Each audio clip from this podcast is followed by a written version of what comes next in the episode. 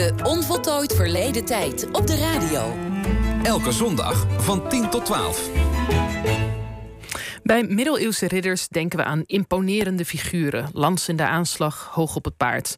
Maar nieuw onderzoek toont aan dat de paarden van middeleeuwse ridders meer het formaat pony waren. Weer een sprookje minder. Historica en journalist Geertje Dekkers die stuitte op dit nieuwe wetenschappelijke inzicht en schreef er een stuk over in de Volkskrant. Welkom Geertje. Uh, en ik begreep dat je, je, je zei vanmorgen toen je binnenkwam, je, je hebt nog nooit zoveel respons gehad op een stuk. Het, het, het Nee. raakt wel een snaar blijkbaar. Absoluut. Het is een carrièreboost. ja. ja, ik had het niet gedacht, maar er zijn blijkbaar nog heel veel mensen en dan vooral mannen die eh, dromen om ridder te zijn.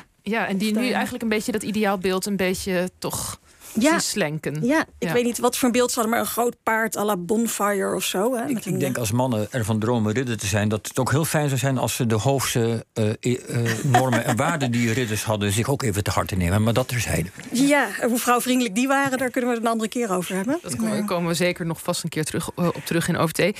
Maar goed, vertel, oh, het gaat nu over die paarden. Wat Ja. voor onderzoek wa- kwam jij tegen? Ehm, een onderzoek in de International Journal of Osteoarchaeology. Uh, osteo van botten. Altijd spannende artikelen staan Ja. daarin. ik volg het normaal niet, maar goed, er was wat rumoer om. Ehm, de archeologen hebben gekeken naar botten die op heel veel plekken waren eh, opgegraven, zo'n 2000. En op basis daarvan hebben ze gereconstrueerd eh, hoe hoog paarden zijn geweest, van 300 tot ongeveer 1650. En ze wisten eerlijk gezegd al dat middeleeuwse paarden wat kleiner waren dan de onze. Maar dat eh, formaat is nog wat bijgesteld. En het idee is dat zo rond 1100 een paard ongeveer 1,30 meter schofthoogte had. Dat is de, de schouderhoogte. En dat is eh, een modern Przewalski paardje. Ja, dus het is, Een Shetland pony-achtig beestje voor de. Ja, zo, zo, echt zo'n klein paardje. En hoeveel kleiner waren de ridders die erop zaten? Ja, dat zou je denken dat dat dan elkaar balanceert. Maar dat viel dus wel mee. Die eh middeleeuws waren helemaal niet zo heel bizar klein. Maar in dit onderzoek gaat over Engeland. En daar waren ze zo gemiddeld ongeveer 5 centimeter kleiner dan nu. Oh, oké. Ja, dus, dus die ridders waar wij allemaal geweldige voorstellingen hebben, Lancelot, Ivanhoe, ga zo maar door, reden en gewoon op Shetland ponies. Ja. Dat is Ja. dus een onverbiddelijk harde conclusie. Ja, nou, ehm, ten eerste waren die eh, ridderpaarden waarschijnlijk wat groter dan het gemiddelde paard. Misschien een centimeter of tien of zo, denken die onderzoekers. En je moet je voorstellen, die paarden, als er een paard stierf, dat werd niet begraven. Dat werd, daar werd de huid van gebruikt, er werden de botten van gebruikt, alles wat je maar kon gebruiken. Dus er zijn niet heel veel resten bewaard gebleven. Dus daar Maar- zitten wat slagen onder. Maar, maar kan dit bijvoorbeeld ook betekenen dat allemaal beelden die we hebben over bijvoorbeeld die riddertoernooien, waar ze met te paard, lans in de aanslag op elkaar afstormen, Ja. dat dat allemaal onzin is, dat dat niks, dat dat Nou ja, zulke ponypaardjes lukt? Dat, Nee, nee, nee, het gebeurde kleiner? zeker wel. En dat waren ook wel stevige paarden die zo'n ridder konden dragen. Een schofthoogte van, nou dan Zo- tijd, riddertijd zo'n beetje 1,40. Dat is nog steeds imponerend. Moet je voorstellen dat zo'n beest 1,40, en dan een kop er nog boven, hoofd moet ik zeggen, er nog bovenop, lans in de aanslag, die ridder erop, in een harnas. Die wil je nog steeds niet op je af hebben denderen.